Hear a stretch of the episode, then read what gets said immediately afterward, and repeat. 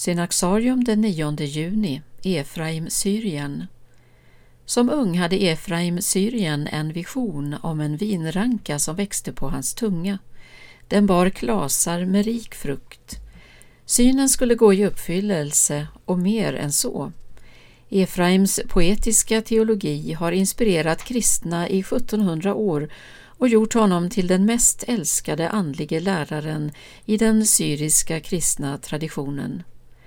Han var så hemmastad i den heliga skrift att ett ordspråk säger att om Bibeln på syriska gick förlorad skulle man kunna återskapa den genom den helige Efraims dikter.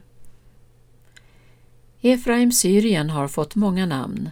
Johannes Chrysostomos kallade honom den helige Andes harpa och Syriernas sol. Av Jakob av Sarug fick han namnen Dikternas hav och Den goda källan. Andra har gett honom benämningar som De goda tankarnas fader och Syriernas profet. Efraim föddes i början av 300-talet i Mesopotamien. I sin ungdom slog han följe med Jakob, biskop i Nisibis, som var välkänd för sitt hängivna liv. Staden Nisibis var vid denna tid romarrikets utpost i öst. Under biskopens vägledning lärde sig Efraim det asketiska livets grunder och blev en trofast Kristuslärjunge. Samtidigt som han levde ett monastiskt liv var han diakon i kyrkan och undervisade vid skolan i Nisibis. Han fick även följa med sin biskop till kyrkomötet i Nicea år 325.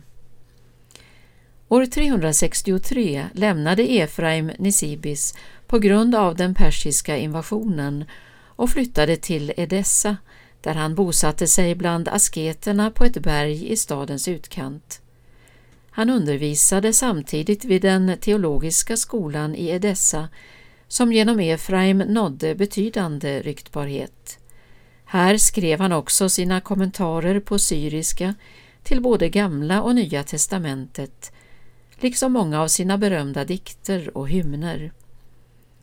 Traditionen säger att Efraim skulle vigas till biskop eller präst på Basileios av Caesareas önskan, men när Basileios diakoner kom för att hämta Efraim spelade denne dum.